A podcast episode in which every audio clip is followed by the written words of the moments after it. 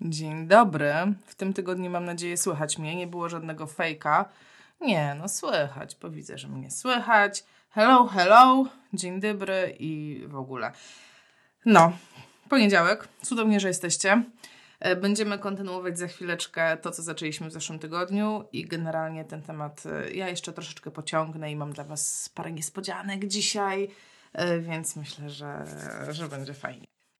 Będę dzisiaj mówić, będę kontynuować tak naprawdę temat zeszłego tygodnia, ponieważ miałam takie poczucie, że mm, okej, okay, no to pogadaliśmy sobie, jak ważny jest ten tułów, jak go zbadać, E, jakie to jest istotne, jakie to ma przełożenie na funkcję później tego pacjenta. No wszystko bardzo fajnie, Aśka, no to teraz co zrobić z tą wiedzą?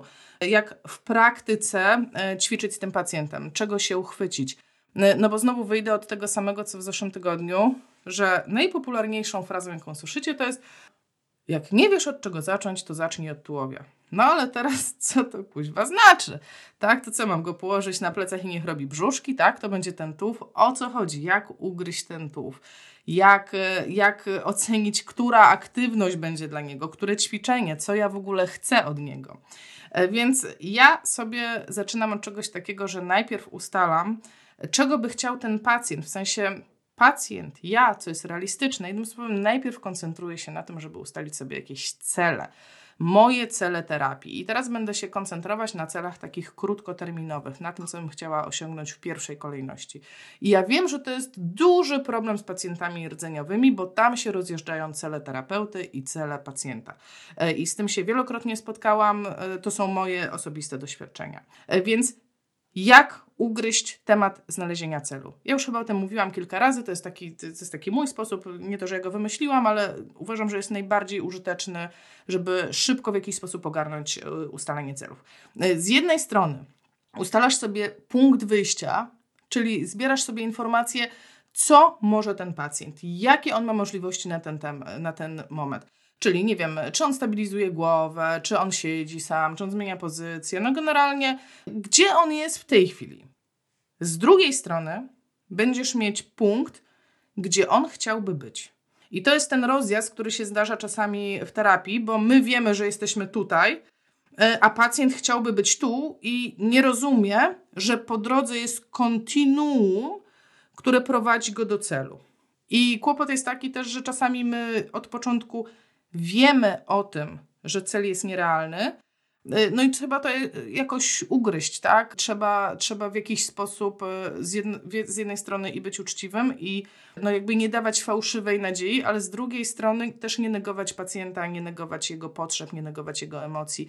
Y, I takie moje osobiste doświadczenia, nie jestem ani psychologiem, ani nie jestem biegła w, w psychologii, ale moje osobiste doświadczenie jest takie, że mm, pacjentom, którzy są krótko po urazie rdzenia kręgowego, niezwykle trudno jest e, zaakceptować tą sytuację. I nawet jeżeli gdzieś pojawiają się takie logiczne argumenty, czy wręcz dostają, nie wiem, ja spotkałam się z tym, że mm, ta osoba dostała zdjęcie śródoperacyjne cyknięte przez mm, chirurga, gdzie jeden kawałek rdzenia był tu, a drugi był tu, i ona wciąż wciąż wypierała to. W sensie, nie, no tam po prostu nie widziała tego. Więc te zjawiska psychologiczne chyba są dla mnie niepojęte.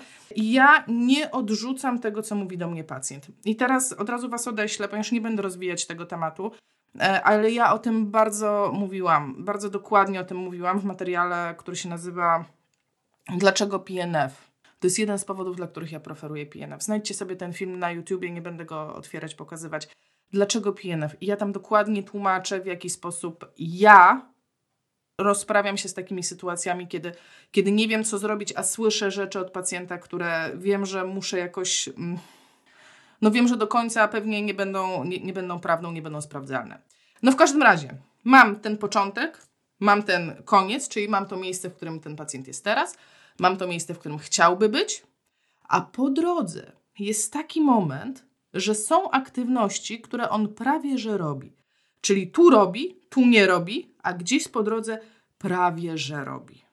I to będzie mój pierwszy cel. Dlatego, że ten cel będzie po pierwsze taki w miarę realny do osiągnięcia, dlatego że wiem, że on już to prawie robi, czyli prawdopodobnie za chwilę to będzie robił sam, bo już robi na przykład z moją pomocą, niewielką, a po drugie jest realistyczny i to jest niezwykle ważne jak dla mnie, przynajmniej w tych celach krótkoterminowych, tych takich celach pierwszych z pacjentem, dlatego że za chwilę ja dostarczę mu realny dowód na to, że to, co robiliśmy, ma sens, ponieważ właśnie osiągnął te założenia, które były pierwszymi założeniami. I równocześnie, kiedy posługuję się tym e, schematem, tym kontinuum, tak, że idziemy stąd tu, taki, nie wiem, nazwijmy to terapia drogi, to jestem w stanie umiejscowić pacjenta, wiesz co, ok, jesteś tu, chcesz być tu, ale po drodze to musisz zrobić ileś tam kroków. I to jest takie, zawsze te takie rzeczy wyobrażeniowe, rzeczy, które, które dają nam się tak namacalnie na coś przełożyć, są łatwiejsze do ogarnięcia i łatwiejsze za, do zaakceptowania. I wtedy też psychologicznie ta sytuacja jest taka dobra, bo ja nie neguję tego, że ty chcesz robić to. To jest w naszych, to jest tam. Ale po drodze, żebyśmy do tego doszli, musisz zadziać to, to, to, to i to. I też, znowu, to jest moje osobiste doświadczenie. W dzisiejszym live nie ma żadnych artykułów, żadnych statystyk, żadnego EBM. Po prostu e, podzielę się z Wami tym, co ja sądzę i tym, jak ja podchodzę do tych pacjentów i jak ja sobie rozwiązuję te sytuacje, e, czyli jak po prostu dobieram terapię. E, I z mojego doświadczenia też wynika taka rzecz, że w momencie, kiedy zaczynamy z nimi ćwiczyć, organizujemy, właśnie zaczynamy realizować te punkty po kolei, po kolei, po kolei, to w pewnym momencie oni sami dochodzą do takiego konsensusu, że okej, okay, no prawdopodobnie tam nie będę, ale mogę być tu. I to jest też super. E, I w mojej ocenie najsłabszą sytuacją jest, a niestety też no, muszę się uderzyć w piersi, tak, że ja też to robiłam, zwłaszcza na samym początku swojej drogi zawodowej, po prostu nie wiedziałam. Miałam pacjenta, który był tu, leżącego, jeżdżącego na wózku, który bardzo chciał chodzić, bardzo, i 100% koncentracji szło w to, żeby on chodził. Gdzie wiadomo było, że nigdy funkcjonalnie tego nie osiągnie. I zamiast e, usprawniać go tak, żeby e, zaczął sobie lepiej radzić w życiu, ja realizowałam jego marzenie nierealistyczne. No ale to, słuchajcie, no tak się dzieje, tak? I trzeba, trzeba po, to, po to teraz rozmawiamy, żeby więcej osób tak nie robiło, tak? Żeby e, umieć sobie ugryźć tę sytuację. No i teraz, niezależnie od tego, Y, jak będzie wyglądał cel dla tego Twojego pacjenta, ponieważ ci pacjenci są totalnie różni, więc po prostu mamy jakiś cel, to prawdopodobnie, jeśli chodzi o URK, to na, y, prawdopodobnie generalnie coś będziesz wzmacniać. No to tak, tak, tak, taka, jest, y, taka jest charakterystyka tego, tej dysfunkcji, że coś tam jest słabe i prawdopodobnie trzeba to wzmocnić, i ja sobie dzielę to wzmacnianie na dwa jakby y, sektory. Z jednej strony mogę wzmacniać to, co przed urazem też pełniło tą funkcję. Na przykład mamy, nie wiem, niekompletny uraz i jakieś grupy mięśni są po prostu osłabione i ja mogę je wzmacniać. Czyli one wcześniej robiły to samo, co robią teraz, tylko są za słabe. A mamy drugi tor, i ten drugi tor, y, nazwijmy go kompensacyjnym, to będzie wzmacnianie kompensacji, czyli taka sytuacja, kiedy y, prawdopodobnie nie mamy możliwości, czy nie mamy w ogóle inerwacji tych grup mięśniowych, które normalnie robiły dany ruch, więc wyszukujemy sobie inne grupy mięśniowe, które mogłyby zrobić ten ruch i e, grupy kompensacyjne i wzmacniamy te grupy kompensacyjne. I to jest dla mnie niesłychanie ważne, żeby to powiedzieć głośno, że w URK nie boimy się kompensacji. My pragniemy tych kompensacji, ponieważ one pozwolą pacjentom na funkcjonowanie, na normalne życie. Więc ja nie będę walczyć o to, żeby ruch był w 100% fizjologiczny. Mam to w nosie. On, znaczy, żeby nie było, nie mam tego w nosie, ale jak się nie da, to się nie da wtedy idę w kompensację i wzmacniam taki ruch, jaki jest możliwy do pacjenta i nie będę zwracać uwagi na to, żeby on był na przykład ładny. On ma być bezpieczny, a pacjent ma wiedzieć, jak wygląda profilaktyka, żeby nie zrobić sobie krzywdy poprzez tą kompensację. O czym również będę mówić e, za chwilę. E, I teraz taki protip, taka podpowiedź, e, skąd wiedzieć, skąd mam zdecydować, nad jaką strukturą ja mam pracować, skąd ja mam to wiedzieć.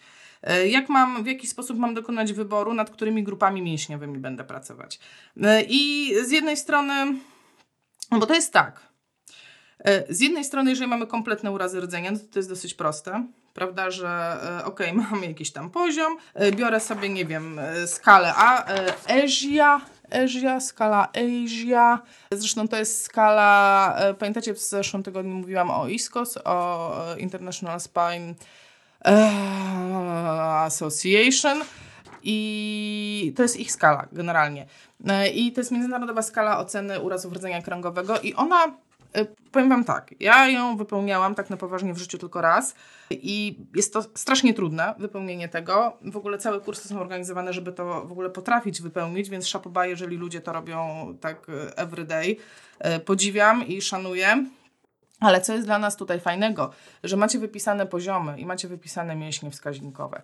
Czyli e, jeżeli mamy diagnozę pacjenta i on ma jakiś poziom uszkodzenia, to możemy sobie sprawdzić, możemy mniej więcej wiedzieć, e, z jakimi mięśniami mamy do czynienia, co będzie dla tego pacjenta najistotniejsze, ponieważ ten mięsień wskaźnikowy, który jest wypisany tam, nie wiem, przy C5 będą to zginacze przedramienia, tak się mówi, że C5 to biceps, e, to, e, to to jest ostatni mięsień, który ma ten pacjent, czyli poniżej nic on już nie będzie miał.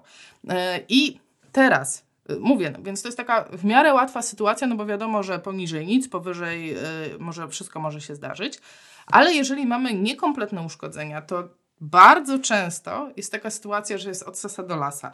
Czyli trochę tu jest, trochę tu nie ma, trochę tu brakuje, trochę tam się rusza. Yy, ja na przykład pamiętam takiego yy, pacjenta, że słabo stabilizował tu, chociaż nie był taki najsłabszy, E, ale ruszał jednym palcem u stopy.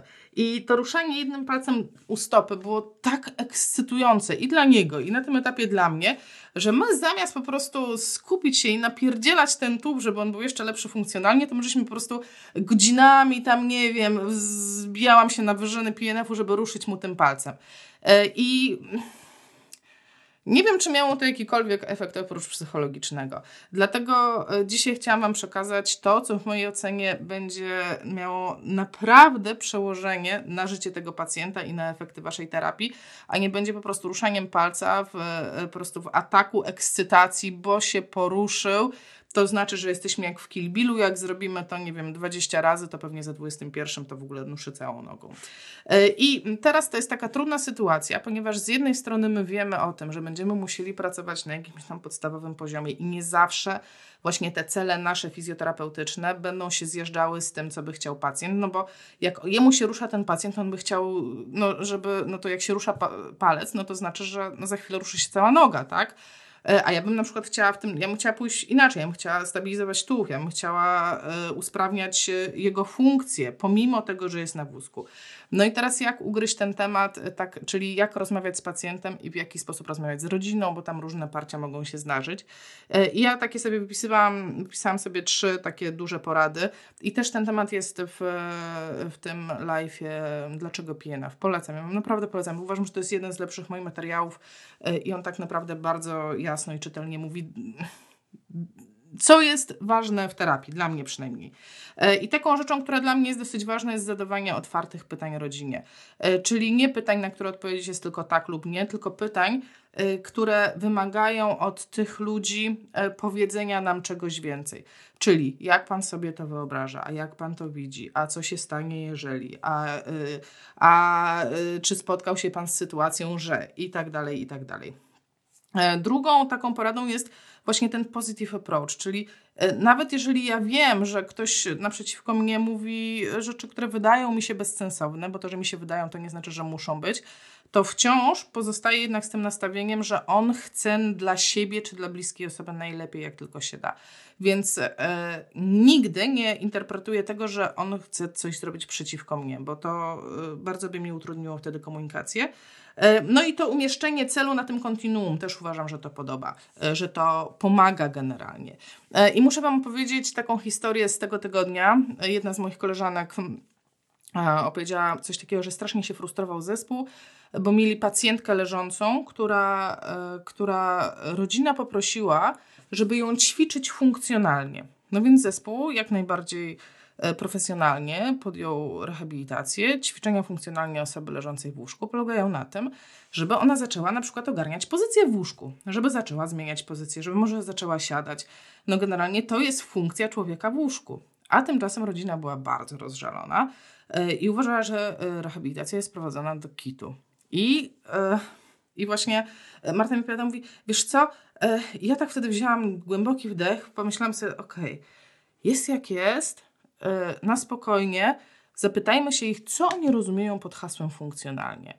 No i okazało się, że generalnie wszystko jest w porządku, tylko oni by chcieli, żeby chociażby na chwilę podczas terapii ją postawić. I okazało się, że generalnie no nie ma żadnego problemu, czyli terapia jest dobrze i oczekiwaniem rodziny, to co pod, co pod hasłem terapia funkcjonalna rozumiała rodzina, to było postawcie ją chociaż na chwilę, bo my chcemy chociaż na chwilę, żebyśmy widzieli, że, no, że ona chociaż troszkę się zbliża do tego stania, e, a to, co robicie, jest w porządku. I tak naprawdę, zobaczcie, to był tylko i wyłącznie błąd komunikacji. Nawet nie chcę powiedzieć błąd, no takie po prostu niedogadanie się, brak komunikacji i tyle. Więc, e, więc to, jest, e, to jest dla mnie dosyć istotne. Więc teraz, zamykając temat y, dobierania celu, nad czym ja chcę ćwiczyć. Czego chce pacjent, gdzie on teraz jest, gdzie on chce być. Po drodze mam to, co prawie że robi. Y, jak już mam zdefiniowane, co on prawie że robi i że chce nad tym pracować, to tak naprawdę największą część roboty mam już za sobą. Ponieważ wiem, mam odpowiedź na pytanie, co, co ja chcę, bo jak to zrobić, to to już jest ta tak naprawdę prostsza część terapii, y, ta prostsza część procesu. Jak się nad tym zastanowicie, to tak naprawdę mamy mnóstwo, mnóstwo technik, pomysłów na ćwiczenia. Y, naprawdę da się wymyślić bardzo, bardzo dużo rzeczy, jeśli wiem na co. Czyli dam wam taki przykład. Jeżeli wiem, że moim celem jest biceps, no to na bicepsa pewnie wymyślę, co tylko będę chciała w podporze, w zaczepieniu, nie wiem, w różnych pozycjach, bo wiem co i wyszukuję wtedy w moim po prostu twardym dysku w głowie, wyszukuję, ok, co pasuje do hasła biceps, co pasuje do zgięcia, co pasuje do rotacji zewnętrznych przedramieniu, no i pyk, jadę. Najgorzej nie wiedzieć co, dlatego tak długo, długo gadam o tym co. E, I w dodatku napisałam sobie tutaj, że herezję mam Wam powiedzieć i powiem Wam te herezje, e, bo ja wiem o tym, że e, część osób uważa, że generalnie szukanie wiedzy w internecie jest słabe i nieprofesjonalne, a ja uważam wprost przeciwnie. Być może szukanie gotowych odpowiedzi w internecie jest słabe i mało profesjonalne, czyli pisanie: Hej, mam pacjenta z urazem rdzenia, co mogę z nim zrobić? No, że kurde, po pierwsze to my nie wiemy, co ty już zrobiłaś, a po drugie to no, napisz coś więcej. Ale zupełnie inaczej brzmi, kiedy napiszesz, wiecie co, mamy, mam pacjenta z URK, no tam w diagnozie ma napisane w rozpoznaniu, że tam jest, nie wiem, T9 uszkodzenie, no tam ręce ma silne, ale tak nie bardzo mam pomysł, jak wzmocnić górny tułów, zwłaszcza zgięcie. No i w tym momencie ludzie zaczynają kminić, aha, górny tułów, zgięcie, to my ci podpowiemy, a i my to robimy tak, a my to robimy tak, a my to robimy tak. Bo dostaliśmy informację, co ty chcesz. I ja na przykład jestem przekonana, że e, moja grupa e, fizjopozytywnych, grupa, jestem przekonana, że udzieliłaby bardzo fajnych odpowiedzi, bo, no bo zawsze tak jest. E, no dobra, ale idziemy dalej, tak? No bo przechodzimy już do tego, do odpowiedzi jak. Jak już wiem co, to teraz chcę wiedzieć, jak to ćwiczyć. Y, I ja sobie wybrałam tak naprawdę dwa główne style ćwiczeń. I pierwszy z nich to jest styl napakera, tak go nazwałam. Styl napakera, czyli tak naprawdę odwołujący się do ćwiczeń strukturalnych. No bo teraz, jeżeli mam tą skalę e, Asia, tak?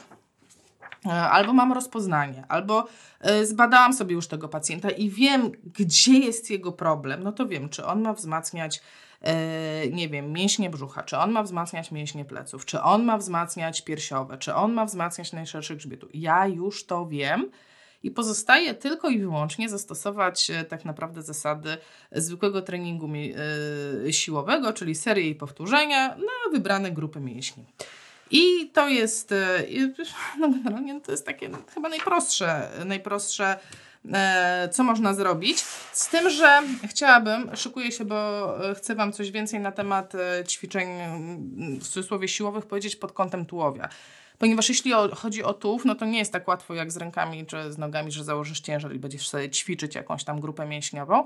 Tylko tułów no, jest troszeczkę bardziej skomplikowany. No, przecież nie dasz mu jak crossfitowcy, nie weźmie sobie y, tego, tak, te, tego talerza, takiego cztangi i nie będzie tam się wyginał. Chociaż niektórzy pewnie by to zrobili. Y, I y, takim, jak dla mnie, fajnym sposobem na ćwiczenie tułowia jest wykorzystanie siły grawitacji. Y, dzisiaj będzie mi pomagał jamniczek. Mój syn kazał mi powiedzieć, że, e, że wypożycza jamniczka tylko w drodze wyjątku. E, w ogóle, że poszedł spać bez niego, to jestem w szoku.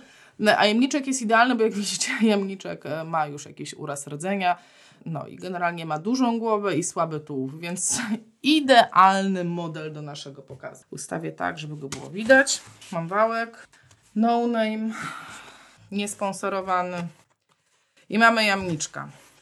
I teraz, co jest dla mnie ważne, jeżeli zaczynam ćwiczyć generalnie e, z pacjentem, wszystko jedno jakim, tak? No bo te zasady, o których będą mówiły, będą się toczyły wszystkich. Jeżeli mam ciało stałe, powiedzmy, jeżeli mam ciało stałe i jeżeli mam siłę grawitacji, która zawsze działa w jednym kierunku, to w zależności od tego, jak to ciało ustawi się względem grawitacji, to różne grupy mięśniowe będą kontrolować różne ruchy.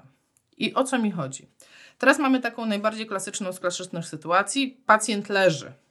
Ja mówię, dobra stary, to teraz będziemy ćwiczyć grzbiety i normalnie zasuwasz grzbiety. Więc on musi zaktywować swój prostownik i zadziałać przeciwko sile grawitacji i podnosić do góry. I to jest najprostsza rzecz. Nie? Czyli siła grawitacji ciągnie mnie w dół, są mięśnie, które działają przeciwko sile grawitacji i ciągną mnie w górę. I to jest dość proste w kierunku na plecach, ale zaczyna się robić ciekawie w kierunku na brzuchu. Zaczyna się robić ciekawie, kiedy przełożymy pacjenta na plecy. Widać Cię, jamniczku? Teraz, uwaga. Ta sama sytuacja. Moim celem jest podnieść głowę i ewentualnie górny tułów, powiemy na to głowę samą, przeciwko sile grawitacji do góry. Tylko teraz nie jestem już w takiej sytuacji, jak byłam na brzuchu, że mój tułów nie jest ruchomy. Teraz mój tułów ma możliwość ruszenia się w tym kierunku, tak? No bo tak fizjologicznie się dzieje. Więc jeżeli przyłożę jeden, jeden koniec mojego mięśnia do głowy, a drugi do klatki, to mięsień nie jest taki mądry, żeby się kurczył tylko z jednej strony, tylko kurczy się z dwóch stron. Więc jeżeli z dwóch stron kończy się, po prostu kurczy się sam sobie. W związku z tym, jeżeli mam luźne ciało, tak jak mojego jamniczka, to kurczący się mięsień będzie na równi podnosił klatkę i na równi podnosił głowę. I teraz właśnie macie odpowiedź, dlaczego zgięcie szyi pacjenci potrafią kompensować wyprostem w plecach. Albo podczas zgięcia pojawia się dziura pod plecami. To jest dokładnie ten mechanizm. Ponieważ jeżeli chcemy, żeby naprawdę uniosła się głowa do góry, to mamy taką sytuację, gdzie chcemy nałożyć część mobilną na, jaką, na jakąś część, która jest stabilna. I w związku z tym tą część no, musimy ustabilizować, czyli muszę mieć to y, core stability, żeby tu było sztywno i wtedy jak tu jest sztywno i tu mam przyczep mięśnia, a drugi tu, to ten jest nieruchomy, mięsień się kurczy i dopiero wtedy jest w stanie tak naprawdę podnieść głowę. I to jest rzecz, o której trzeba pamiętać. E, I druga rzecz, o, którą chciała, o której chciałam, żebyście pamiętali pod kątem urazów rdzenia, zwłaszcza jeżeli te osoby są dość słabe i wydaje nam się, że jedynym ich potencjałem są okolice głowy, ramiona, że ten ruch, czyli wszystkie ćwiczenia wykonywane w, le w leżeniu, są tak naprawdę założeniem najdłuższej i najcięższej dźwigni na ten punkt obrotu, jaką można zrobić.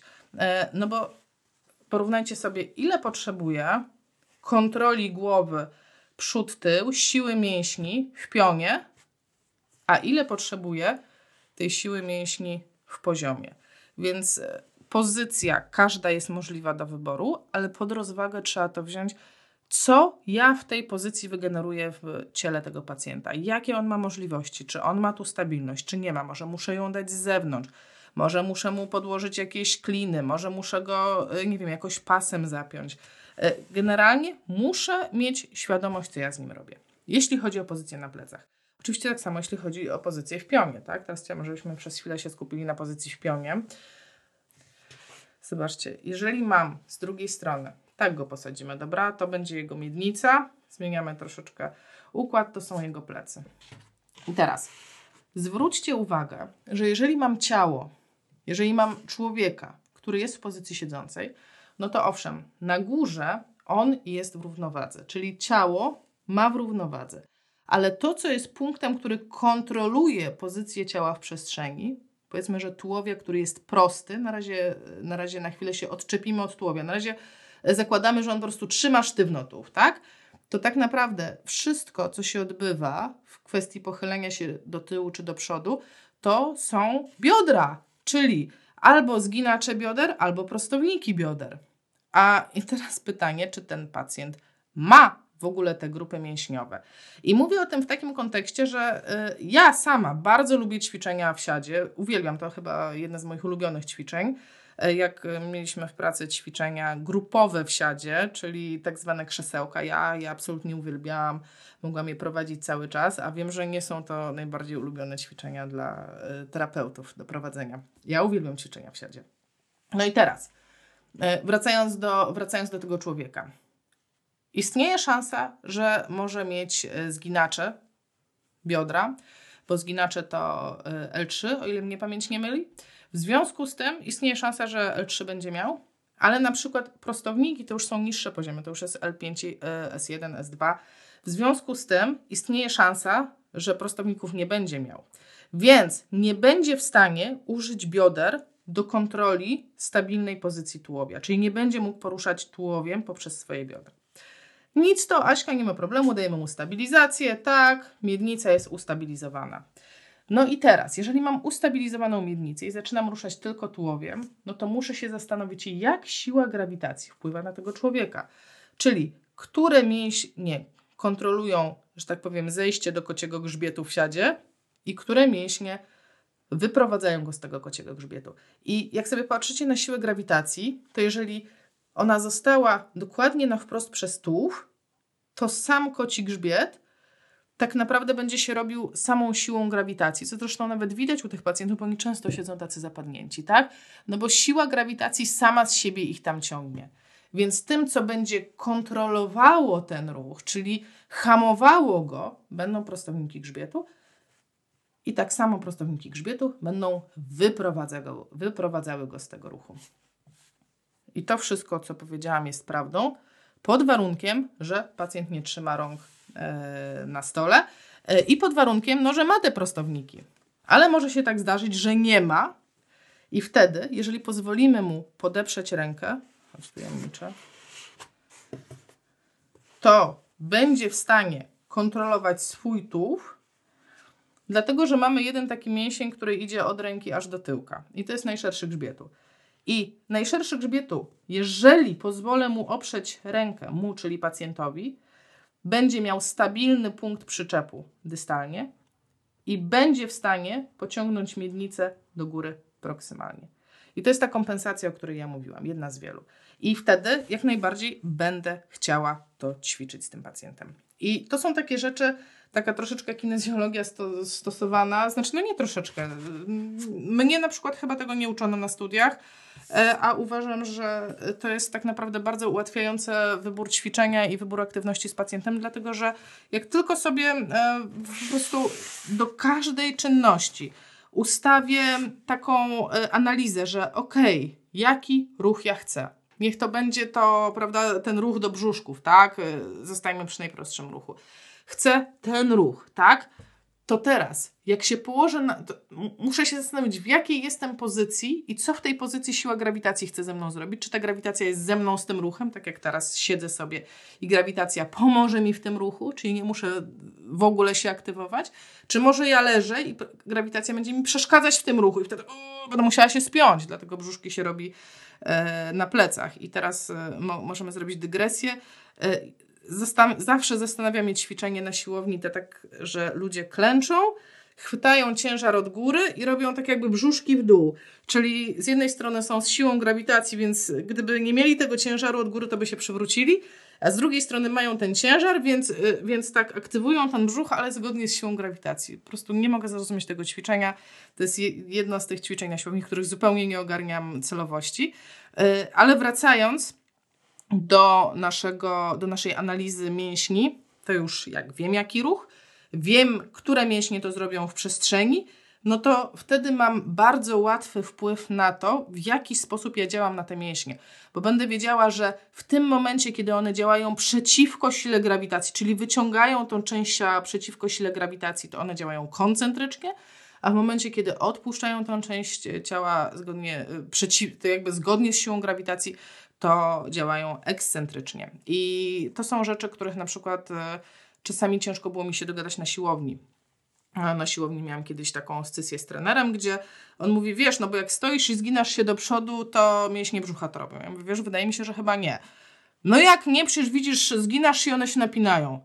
No nie no, zginasz się i się napinają, bo się napięły, ale gdyby, gdybyś teraz nie miał w ogóle mięśni, zniknęłyby od tak magicznie, to raczej dalej byś się zginął, tak? Pomimo tego, że nie ma mięśni brzucha. E, I no, dlatego o tym mówię, dlatego o tym ciągle powtarzam, bo dla mnie to jest po prostu ważne. Więc mamy y, trening y, sposobem na pakera, czyli wymieniam, wybieram sobie strukturalnie dokładnie to, co chcę wzmocnić i po prostu serię i powtórzenia i wzmacniam to. I nie jest to głupie podejście, ale mogą być lepsze. W sensie, może nie tyle lepsze, E, bo wszystko, co Wam powiem, tak naprawdę możecie miksować, tak? To nie jest tak, że można tylko to, czy tylko to, czy w jakiejś kolejności. To jest generalnie zbiór, e, zbiór pomysłów i weź sobie trochę tego, trochę tego, trochę tego. E, drugą rzeczą, o której chciałam opowiedzieć, to jest tak pomiędzy, pomiędzy jeszcze grande finale, to jest pionizacja. Ponieważ E, prawdopodobnie przez, przez większość czasu pracy z pacjentem z URK będzie się pojawiała pionizacja. I powiem Wam szczerze, ja nie wiedziałam, gdzie ją wcisnąć, ponieważ mam ten sposób taki e, selektywnego ćwiczenia, ćwiczenia strukturalnego. Za chwilę Wam opowiem o ćwiczeniach funkcjonalnych. Ja myślę, gdzie tą, gdzie tą pionizację, bo to ni tu, ni tu, nigdzie mi nie pasuje. E, I dlatego właśnie pionizacja jest po środku i pionizacja w kontekście ćwiczeń, w kontekście tułowia. I chciałam Wam pokazać filmik. Już go odpalimy. Chodź tu filmiku. E, będę mówiła w trakcie, co się dzieje. To jest pionizacja. To od razu mówię, słuchajcie, to nie jest pacjent z URK, to jest pacjent z e, neurofibromiatozą typu drugiego, czyli w wielu, wielu miejscach w układzie nerwowym pojawiły mu się guzy, które zabrały mu funkcję. Więc on w tej chwili jest trochę czterokończynówka, ale to nie jest do końca ważne. To, co chcę, żebyście zobaczyli na tym filmie, to to, że pionizację można robić stabilizując pacjenta na różnych poziomach pasem. I to, co teraz widać, to że stoi pacjent i on jest przyczepiony pasem tylko na biodrach, a na klatce piersiowej on już tego pasa nie ma. Dlaczego?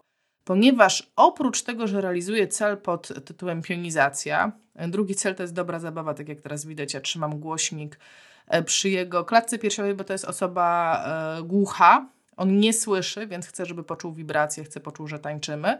Jest element zabawy, czyli tam e, ja wykonuję obrót, on mnie trzyma, ale zobaczcie, że jak ja wykonuję obrót, to ja muszę go puścić.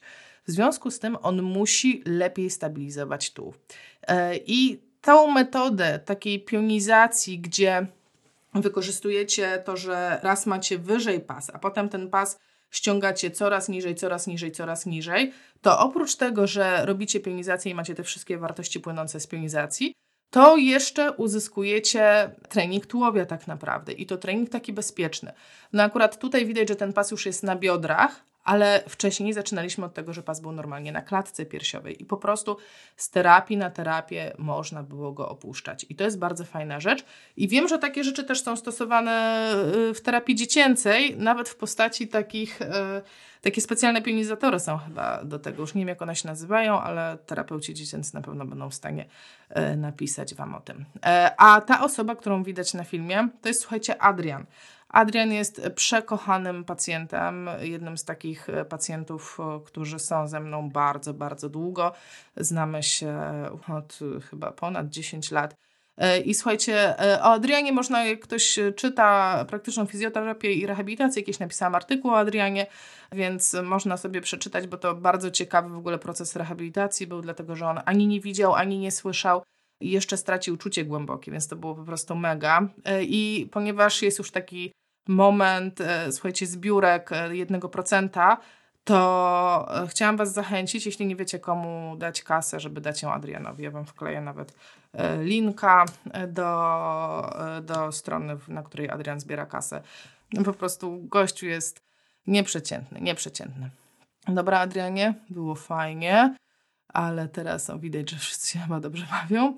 Okej, okay, to jest w temacie pionizacji. To, co mogę Wam doradzić w temacie pionizacji, żeby e, jeżeli na przykład macie problem z pacjentami, którzy odjeżdżają Wam, tak, mdleją, tracą przytomność i tak dalej, e, całkiem fajnym sposobem jest e, użycie pasa, zapięcie go przed pionizacją w pas. Dzięki temu podniesie się ciśnienie i jest szansa, że Wam nie zemdleje. Aczkolwiek takie rzeczy, powiem szczerze, zawsze takie interwencje, które, które zastanawiałam się, czy można, czy nie można, to jednak konsultowałam z lekarzem, bo teraz mówimy jednak o pacjencie, który gdzieś tam jest na oddziale, że zastanawiamy się, co z nim zrobić na samym początku, e, no bo jak trafiamy do przewlekłego pacjenta, to prawdopodobnie on się jakoś tam już e, pionizuje. E, dobrze, pionizacja. I pionizacja będzie się przewijać tak naprawdę przez cały, przez cały proces rehabilitacji. To tak naprawdę do końca życia ten pacjent powinien się w jakiś sposób pionizować. No tak, fajnie byłoby raz dziennie. I idziemy do tego, co tygryski lubią najbardziej. Idziemy do ćwiczeń funkcji. I teraz chciałam powiedzieć, że funkcją tak naprawdę dość rzadko będzie chodzenie. Yy, będę chciała dać Wam kilka yy, takich podpowiedzi, na czym można się skoncentrować z pacjentami z URK. Ja to nazwałam osobistym algorytmem Aśki, aczkolwiek algorytm sugeruje, że trzeba by to robić po kolei, a nie trzeba robić po kolei, ale fajnie by było, żeby pacjent mm, potrafił zrobić te rzeczy, o, którym ja, o których e, ja Wam powiem. I pierwszą rzeczą, którą chciałam, pierwszą rzeczą, no i tak mówię, że można nie po kolei, a jednak mówię po kolei, ale to jest dla mnie takie kluczowe i pierwsze, pierwsze, co w mojej ocenie pacjent powinien się nauczyć i nad czym można spokojnie pracować, to będą obroty. I zdziwilibyście się, dla, jak dla wielu pacjentów obroty stanowią problem, nawet dla pacjentów, dla których teoretycznie nie powinny stanowić problemu. E, bo to, że pacjent z wysokim uszkodzeniem, już nawet nie para, tylko tetra, będzie miał problem z obrotami, wydaje się oczywiste, ale pacjenci yy, mogą mieć niższe uszkodzenia i też walczyć z tymi obrotami. I z jednej strony chciałabym, żeby się obracali w lewo i w prawo, e, i z drugiej strony, zaraz po tym, jak zaczną się obracać, chciałabym, żeby się z tego obrotu uczyli już siadać. Czyli żeby, e, żeby, taką, żeby takim logicznym następstwem były obroty, siadanie, siadanie z nogami na stole, siadanie z nogami poza stołem. I pierwszym miejscem z wyboru, gdzie będę prowadziła terapię taką jeszcze, można powiedzieć, łóżkową, będzie jednak e, sala do ćwiczeń. Ja Wam powiem już dlaczego. Z dwóch powodów. E, po pierwsze, dlatego, że wykonywanie tego typu manewrów jest znacznie łatwiejsze na stole niż na łóżku, bo łóżko jest miękkie i na łóżku jest trudniej się obrócić. A drugim powodem jest taki aspekt psychologiczny, że jednak dopóki jestem w łóżku, to jestem chory. A jak jestem na sali do ćwiczeń, to jestem na treningu. I wydaje mi się, że to jest hiper ważne, że ktoś e, jest ubierany w dresy, wskakuje te dresy, ląduje na sali do ćwiczeń, e, a nie jest po prostu wiecznie, wiecznie po prostu chorym e, łóżkowym. Więc mamy obroty na stole, a potem dopiero na łóżku, no bo moim celem jest cel funkcjonalny. On ma się nauczyć zmieniać pozycję w łóżku. Dlaczego? Bo wtedy mu wyjmą materac antyodleżynowy. Jak zmienia pozycję, to jest szansa, że będzie w stanie zachować profilaktykę. I to jest coś, co trzeba też im wytłumaczyć, bo jeżeli ktoś nie czuje, to nie wie o tym, że mu się robi odleżyna.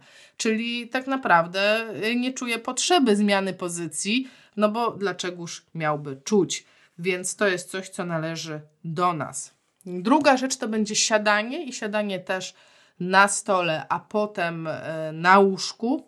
I w międzyczasie, ja to wprowadzałam zawsze tak symultanicznie, można powiedzieć, jak już siedzi, to można na to siedzenie dodać aktywności typu jeżdżenie tyłkiem po stole. I co mam na myśli? Kilka rzeczy. Też mam filmik, e, też mam filmik, a zaraz Wam pokażę filmik.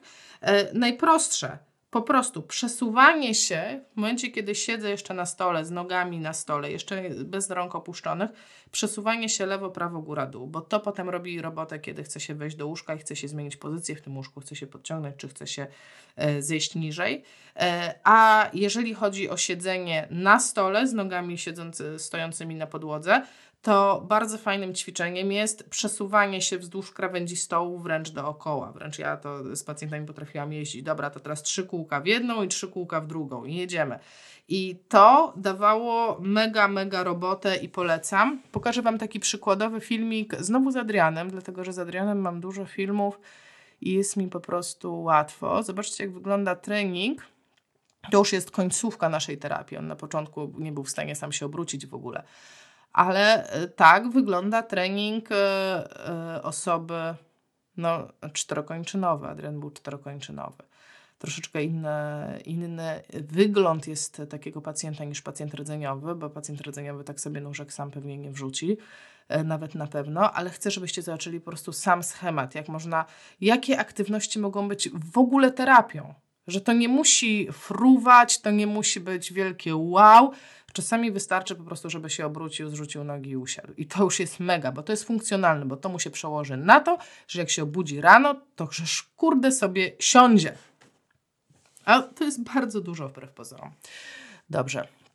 Więc mamy obracanie się, mamy siadanie, mamy jeżdżenie tyłkiem po stole na różne sposoby, przód, tył, lewo, prawo, yy, dookoła. I jak już to ogarnie, to mamy transfery. Chciałabym, znowu może źle powiedziałam, jak już to ogarnie. To nie jest tak, że musi to ogarnąć, żeby zaczął transfery, ale to będzie fajne takie preludium do tych transferów. To będzie fajne uzupełnienie. Y, można to robić symultanicznie, tak? Te wszystkie rzeczy można robić symultanicznie. I teraz transfery. Najprostszy transfer, ten sam poziom na ten sam poziom z deską. Czyli kładę deskę, jedyne co się uczę, wow, przesuwać po desce. Więc jeżeli przesuwałam się wcześniej po stole, no to przesuwanie po desce jest tylko przetransferowaniem tej umiejętności na deskę i już siedzę. Więc jedno przechodzi płynnie w drugie. Potem ze zmianami delikatnymi wysokości w obie strony. Potem yy, nie na stół do terapii, tylko na łóżko. Nie na, yy, nie na stół i nie na łóżko, tylko nie wiem, na kanapę. Bo teraz pomyślcie o tym. Jeżeli koncentrujemy się na rzeczach, które potem temu pacjentowi przyniosą wartość, i co może być tą wartością? Młody chłopak będzie w stanie iść na imprezę, przesiąść się na kanapę, zrobić miejsce dla swojej dziewczyny i kurczę, nie wiem, zjeść z nią chipsy i wypić browca. I dla mnie na przykład to jest mega wartość w tym momencie. To jest wartość realna życiowa i to mu da dużo więcej, choć być może w dniu terapii on tego nie wie. Dlatego ja tyle nawijałam o tym, żeby dogadać się z nim najpierw. Bo on może tego w dniu terapii nie dostrzegać, on może tego nie widzieć. E, on może jeszcze nie być na tym etapie, że on kiedykolwiek pójdzie na imprezę, pomimo tego, że ma e, URK to po prostu może być nie ten moment. I tutaj no, dlatego trzeba współpracować z psychologami. No ja tutaj na to nie, nie, mam, nie mam e, recepty na to, ale wiem, że konsekwencją naszych dobrze dobranych działań może być to, że jemu się realnie polepszy jakość życia. I teraz, jeżeli ja na wczesnym etapie, zamiast uczyć go tych takich pierdół, obróć się, podnieś się, nie wiem, poćwicz bicepsa, e, to zamiast tego, zaraz wam pokażę, jak ja ćwiczę bicepsa z pacjentami, e, tricepsa, jeżeli ja wtedy przełożę 100% mojej energii, pacjenta energii w to, że będę go pakować w letory i będę po prostu tłuc to chodzenie, które nie jest chodzeniem, to on na tą imprezę nie pójdzie. No może go kumple wniosą na to piętro i go posadzą, ale, ale cóż on zrobi na tej imprezie, tak? No, no co, przecież nikt go nie zapakuje w letory i nie zacznie z nim chodzić. Więc to jest to, to jest ta magia i to jest ta rzecz, którą musimy mieć musimy mieć w głowie, my to musimy mieć w głowie, bo pacjent może jeszcze sobie z tego nie, nie zdawać sprawy. No dobra, transfery, tak? Więc to jest taka oczywistość, że chcę, żeby on się umiał transferować, żeby się umiał transferować na toaletę, więc to jest, y, to jest y, taki kolejny cel. Ale są jeszcze dodatkowe cele, które chciałabym, żeby realizował na wózku konkretnie, no bo jak już się przesiadł na ten wózek, no to przecież nie będzie tylko jeździł wózek, stół, stół, wózek, wózek, stół, stół, wózek, tylko chciałam, żeby on coś robił. I dla mnie najważniejszą aktywnością, której chciałabym, i tutaj naprawdę w pierwszej kolejności bym chciała tego nauczyć pacjenta, którego chcę zostawiać na wózku, to będzie, uwaga, odciążanie tyłka. Chciałabym, żeby w pierwszej kolejności, w momencie, kiedy mój pacjent siada na wózek, żeby on dostał ode mnie informację, słuchaj stary, nie czujesz swoich pośladków, bardzo często zdarza się że e, ludzie z URK mają problemy z, e, z pośladkami i żeby tego uniknąć, będziesz musiał się podnosić na wózku, będziesz musiał unosić tyłek, będziesz musiał się odciążać. I oczywiście no, najłatwiejszy, najłatwiejszy, jak dla kogo, tak? Sposób i najczęstszy tak od razu jak odciążanie tyłka, to znaczy, że trzeba się zaprzeć i dupa w górę. A nie musi tak być i zrobiłam specjalnie Wam zdjęcie, bo na przykład też, no nie pacjent z URK, tak? Bo to mój mąż, który ma dystrofię, ale uważam, że ma genialny sposób na odciążenie pośladków. po prostu odpoczywa w takiej pozycji. Czyli znajduje sobie coś, o co może się oprzeć i w tym momencie odciąża jeden pośladek, a za godzinkę znajdzie sobie z drugiej strony coś, czy podjedzie od drugiej strony tego stolika i sobie odciąży drugi pośladek. I różnica pomiędzy tym pacjentem a pacjentem URK jest taka, że on bardzo dobrze czuje, że przyszedł czas na odciążenie pośladków, ponieważ jego ciało mu to mówi. Hello, stary, troszeczkę już tutaj za bardzo przesadziłeś czas e, do stoliczka. E, I tego sygnału nie dostaje pacjent e, para czy tetra. Po prostu nie dostaje tego sygnału, ponieważ nie czuje. Więc znowu to jest nasza odpowiedzialność powiedzieć mu o tym i na początku być może przypominać o tym, w, pomóc mu wdrożyć nawyk robienia tego, rutynę, zaproponować, słuchaj, każdy ma teraz smartfona, ustawiasz sobie smartfonie, nie wiem, co godzinę pipczenie i niech ci przypomina, niech, e, niech nie, nie, żebyś po prostu pamiętał o tym, że tak czy inaczej w jakiś sposób masz odciążać pośladki. E, I to jest dla mnie takie strasznie, strasznie ważne, dlatego że nic nie wkurza bardziej jak eliminacja pacjenta z procesu rehabilitacji, e, czy pogorszenie stanu funkcjonalnego pacjenta z jakiegoś durnego powodu pod postacią, nie wiem, dziury w tyłku. No, God której można było uniknąć. No więc mamy, y, mamy unoszenie dupki. Drugą rzeczą, która mnie interesuje, to jest e, oczywiście napędzanie wózka. Chciałabym, żeby mój pacjent jak najszybciej uczył się napędzać wózek i prawdopodobnie części pacjentom będzie ciężko z napędzeniem tego wózka. Mam na myśli pacjentów tetra ale trzeba wiedzieć też, że są sposoby na ułatwienie tego. Są rękawiczki, są jakieś nakładki na ciągi gumowe, są specjalne ciągi. I generalnie jak już, to jest właśnie ta historia, o której mówiłam, że jak już wiesz co, to jak jest kwestią wpisania w internet e, ułatwienia dla tetraplegika. Nie wiem, osprzęt do napędzania wózka dla tetraplegika, bu, bu, bu, bu, bu, wyskakują strony, ale warunek jest taki, że wiedziałeś, czego poszukujesz. E, następną rzeczą, e, która nie wiem, czy nie jest trudniejsza od napędzania wózka, jest obsługa wózka. Czyli umiejętność zamknięcia hamulców, umiejętność podniesienia podnóżków, umiejętność zdjęcia nóg z podnóżka, e, umiejętność zdjęcia boczka do przesiadania, umiejętność, nie wiem, zahaczenia się z tyłu o oparcie, żeby się opuścić w dół, tak? jeżeli nie mam możliwości, żeby zrobić to aktywnie mięśniami obsługa swojego własnego wózka. I znowu, nawet tak w moim, w moim doświadczeniu naprawdę zdarzało się nadspodziewanie często, że e, ojej, no, no nie obsłużę tego, nie zapnę hamulca i nie odepnę. No to trzeba zmienić hamulec, albo zmienić technikę, albo popracować nad tym, tak? I to też jest rzecz, którą trzeba zrobić. E, I kolejną rzeczą jest obsługa przestrzeni w oku wózka. Czyli jak mi coś spadnie, to ja mam strategię, jak mogę to podnieść. I tutaj dochodzimy do tego, i tutaj to jest tak naprawdę powoli, y, naprawdę się robi grande finale, dlatego że jak wrócicie się do poprzedniego live'u z zeszłego tygodnia, gdzie były te skale do oceny tułowia, to tam padało hasło dynamiczna kontrola tułowia. I ta dynamiczna kontrola tułowia przekładała się w prostej linii na e, funkcjonalne umiejętności pacjenta, czyli tyle, ile on był w stanie kontrolować swój tułów w przestrzeni, to, ty, to, to potem na tak wysokim poziomie on funkcjonował. I to jest takie przełożenie wprost tej funkcji tułowia na funkcję całego człowieka. I to jest y, tak funkcjonalnie, znaczy wszystkie te rzeczy są ważne funkcjonalnie, ale jeżeli chcemy pacjenta przerzucać po prostu wyżej w funkcjonowaniu, no to to będzie to obsługa przestrzeni wokół woska, czyli że umiem się wychylić. Umiem się wychylić w każdym kierunku. Umiem coś wziąć, położyć to sobie na kolanach. Umiem odłożyć coś, położyć, y, położyć, nie wiem, z jednej strony, z drugiej strony, wysoko, nisko.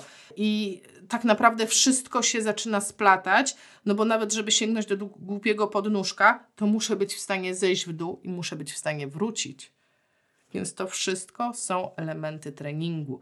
I zobaczcie, że te rzeczy, o których ja mówię, to nie jest jakieś wow, to nie są jakieś rzeczy, które, które teraz, nie wiem, zapakujesz w rafinowany sprzęt i w ogóle będzie zarąbiście. Nie, to są proste rzeczy, po prostu, kurde, naucz go się schylać i wstawać. Nie wiesz jak? No to to już, nie wiem, yy, załóżmy pacjent jest C5 i kurde, nie masz pojęcia, kuźwa, nie ma tułowia, ma tylko bicepsa, jak go nauczyć schylać się.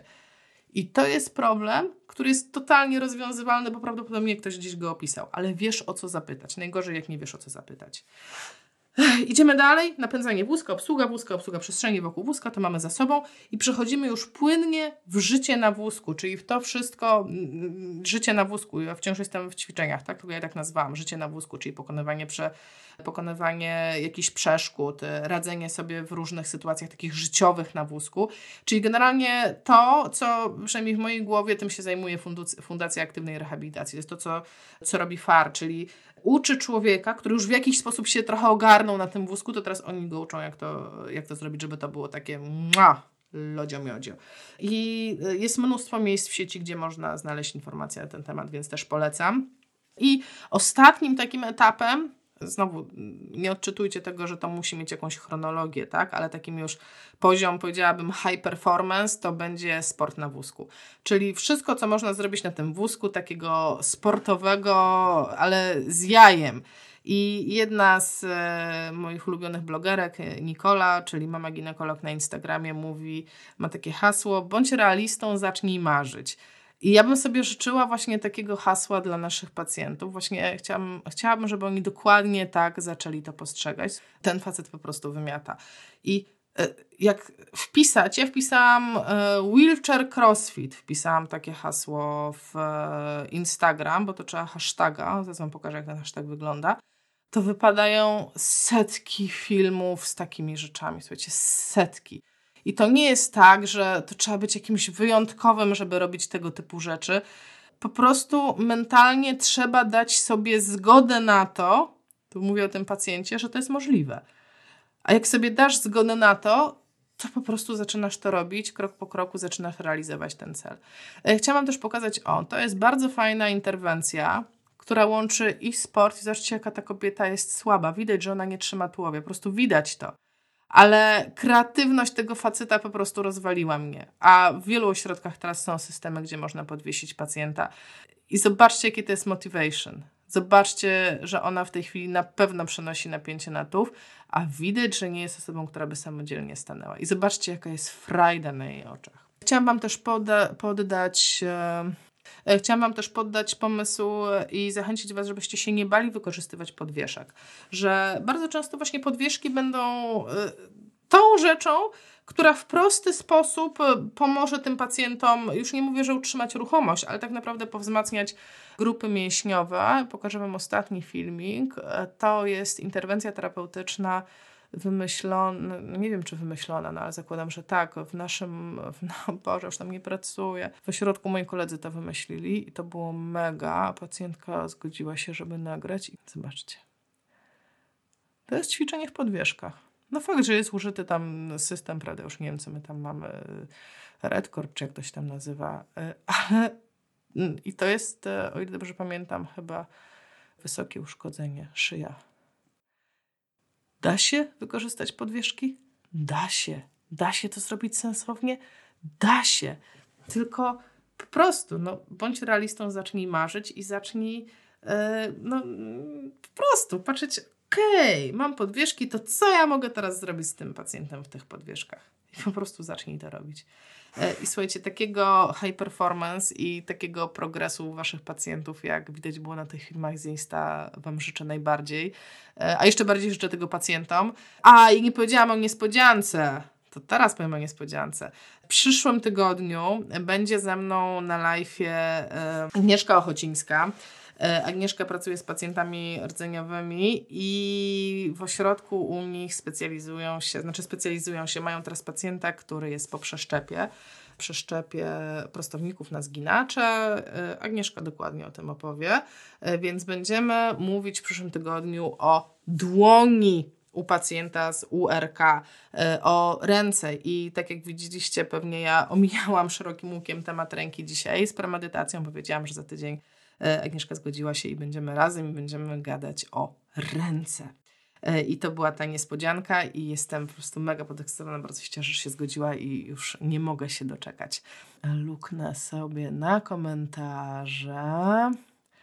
Rytmiczna stabilizacja. W ogóle PNF jest super. Tak, ogólnie PNF jest super do tych pacjentów. E, w przypadku paraplegii jak najbardziej samodzielna praca wchodzi w grę, bo my z pacjentem jesteśmy, tak, dokładnie, jesteśmy jakiś czas, a potem e, no, on potrzebuje no, tak jak ja idę na siłownię, powiem Wam, i robię tylko no, albo górę, albo dół, no to zrobienie samej góry albo samego dołu zajmuje mi 2-2,5 godziny, bo tyle trwa zrobienie serii, chwilę odpoczynku, zmiana ćwiczenia. No i tak jest z tymi pacjentami, tak oni potrzebują dużo czasu, e, nie są tak wydolni, jak my jesteśmy wydolni, także jak najbardziej uważam, powinni realizować pracę domową. E, Marta miała się uczyć, a jednak postanowiła przyjść na live'a. Niestety wielu pacjentów nie jest poinformowanych przez lekarza, jaki jest ich stan. I wielu wierzy, że stanie na nogi. I to jest poważny problem i nie umiem go, przyznam się, rozwiązać. Nie umiem go, ponieważ e, nie wolno nam stawiać diagnoz, chciałam przypomnieć, więc no, no co mam powiedzieć. E, kompensacje dostosowane do aktywności dnia codziennego. Tak, to dokładnie tak. Te pytania do rodziny otwierają także im oczy i głowy. Tak, dokładnie o to chodzi, żeby sami sobie odpowiedzieli na to pytanie, żeby to nie było, że ja, e, że tak powiem, brzydko walę między oczy, tylko dopytuję się, a jak to widzisz? Okej. Okay. A czy spotkałeś się z jakimś przypadkiem, żeby ktoś, nie wiem, po całkowitym e, uszkodzeniu rdzenia wrócił? Aha, no dobra. E, a ile wiesz na ten temat? No takie, takie, takie, takie proste rzeczy. Mm. Spróbuj sama Allachy. No, dzięki, to się Allachy nazywa, super. Ja rozumiem, że one wchodzą na brzuch, tylko po jakiego grzeba je wykorzystywać na brzuch, jak, jak mogę robić rzeczy, które są przeciwko sile grawitacji i też są na brzuch. Allachy mają sens, bo ciężar ciągnie cię w górę. Ja tak to rozkminiam. Ja to wiem, że on ciąży mnie w górę, tylko dlaczego, jeżeli robię Allaha, to jest tak jak z pętą Gilsena. Jeżeli e, coś mnie ciągnie do góry, czy pętla Gilsena, czy Allah mnie ciągnie do góry, to tyle kilogramów, ile waży część ciała, którą on ciągnie, czyli w wypadku e, pętli Gilsena to będzie ciężar mojej głowy, a w wypadku Allaha to będzie cały mój górny tułów, czyli na dzień dobry ten ciężar musi być minimalnie taki jak ten, jak, jak ten ciężar mój, tak? I dopiero wtedy jesteśmy na zero. Więc teraz muszę dowalić więcej ciężaru niż ta część ciała, żeby w ogóle jakiś e, taki, e, e, żeby siła ciągnienia się ujawniła, bo wcześniej w ogóle nic nie ciągnie. Z pętlą Glisena nigdy nie mogłam tego zrozumieć. Jeżeli głowa tam waży, no, no nie wiem ile waży głowa, 3 kilo, 4 kilo, no więc, a pętla Glisena pół kilograma. No to jak on by się położył, no to w tym momencie zdjął sobie 4 kg z głowy, bo leży, a wcześniej siedział i miał 4 kg nacisku. Więc to jest to właśnie, czego nie mogę zrozumieć. E, dobrze, pionizacja. Mm, to już zdarzyło mi się robić, ale żeby tańczyć, no, tańczenie jest super i muza jest super. Pionizacja, taniec, ruchy, tak. E, obroty są mega trudne i to nie tylko dla pacjentów neurologicznych. Przerabiałem też z ortopedycznymi. Tak, obroty są mega trudne dla ludzi. Mega trudne.